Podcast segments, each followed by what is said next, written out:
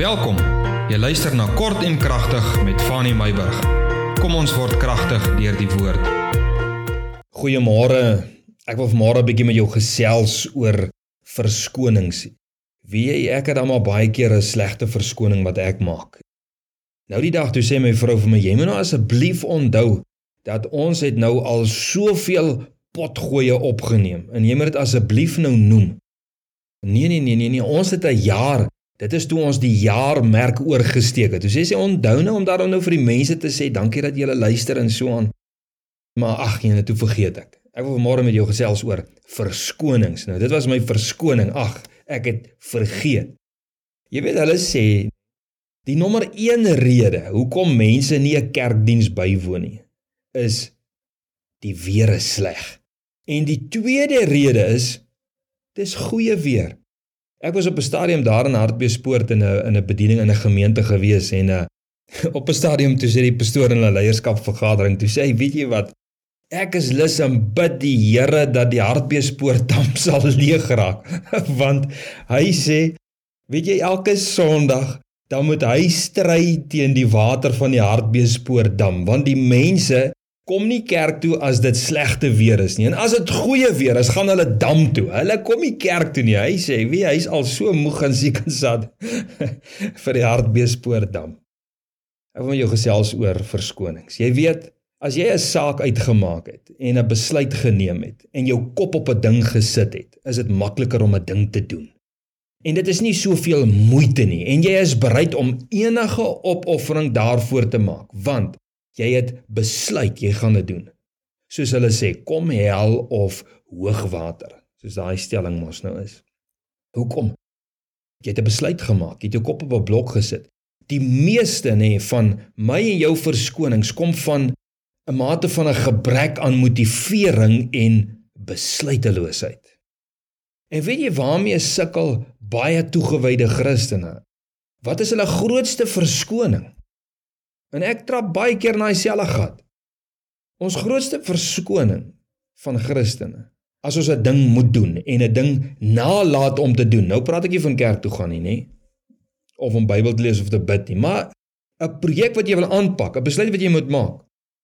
Ons sukkel en ons grootste verskoning is ek en jy weet nie of dit die wil van die Here is nie. Ons is so bang ons gaan 'n fout maak. Ons sukkel met hierdie verskoning want ons is bang om foute te maak en jy's bang as jy 'n fout maak, gaan ander jou kritiseer en jy weet dalk nie of jy nog resources gaan hê om iets weer oor te doen wat jy gedoen het en dan is dit dalk nou 'n fout nie. En dis jou verskoning. Dit is ons verskoning. Ons verskoning is ons is moeg gewerk. Die week was te lank. Die jaar is nou al ver gevorder. Ons is nou al in Oktober, ons is nou in November. Ou is moeg man. Verskonings. Ons het soveel verskonings waaraan ons ons lewens hang, ons besluite aanhang. Jy weet nie een van hierdie bogenoemde goeters nê is ongeldige redes nie. Dit is geldige redes. Ons wil die wil van die Here doen. Ons wil nie foute maak nie. Ons wil nie gekritiseer word nie. Ons het nie altyd die geld om as ons 'n fout gemaak het om dit weer oor te doen nie. Ons is moeg in ensovoorts ensovoorts. Dis geldige redes. Almal is goeie verskonings. Maar dit is ook die rede hoekom jy nêrens kom en niks gedoen kry nie en ook nêrens heen gaan nie. Jy kan soos 'n Timoteus te jonk voel. Jy kan voel ek is ek het nie die kennis nie. Ek is te onkundig in 'n ding. Jy kan soos Abraham en Sara te oud voel. Dis jou verskoning. Eider te jonk of jy's te oud, soos Gideon te onbekwaam voel.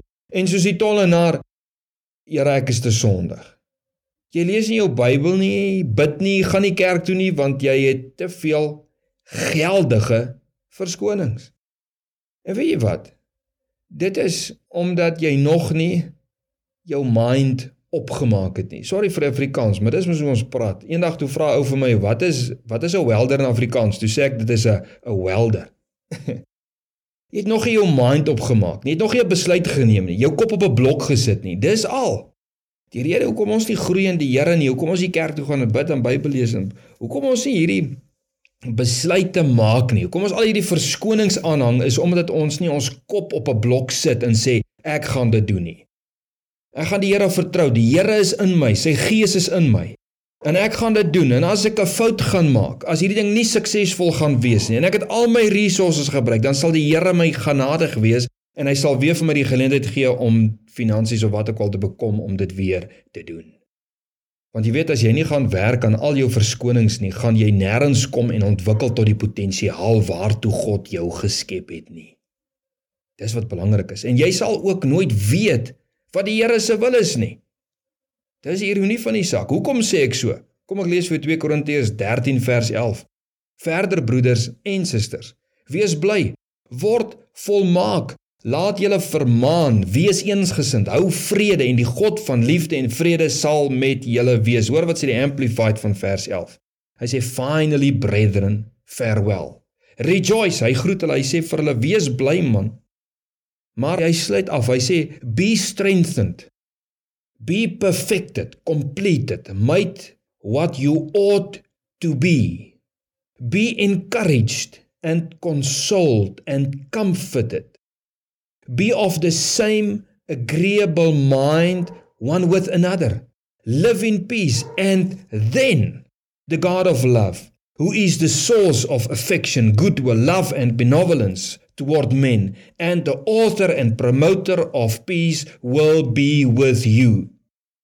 Die Here sal met jou wees. Daai vrede van God sal met jou wees as jy tot volmaaktheid gekom het. Want Paulus sê hy sê word volmaak. Be strengthened, be perfected, completed, made what you ought to be, be encouraged and consoled and comforted. Hy sê doen dit en jy sal die vrede van die Here, jy sal die wil van die Here beleef en ervaar, jy sal die nabyheid van God ervaar soos nog nooit tevore nie.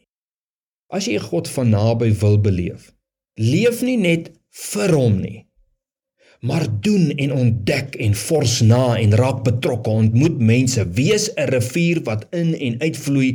Moenie 'n reservoir wees wat stil staan 'n dam wees wat stil staan en en later 'n tipe van 'n 'n reukie van doodsheid kry nie.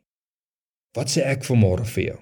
Wat sê ek vir myself? Wat sê ek vir die kinders van die Here vir almal vanmôre daag jou verskonings uit wat is jou verskonings sit jou kop op 'n blok daag jou verskonings uit en oorwin jou verskonings. Nou toe mag die Here jou seën, mag dit met jou goed gaan, mag sy woord 'n lekker smaak in jou mond hê en mag sy woord jou rig vir elke besluit wat jy moet maak in jou lewe. Seën en vrede.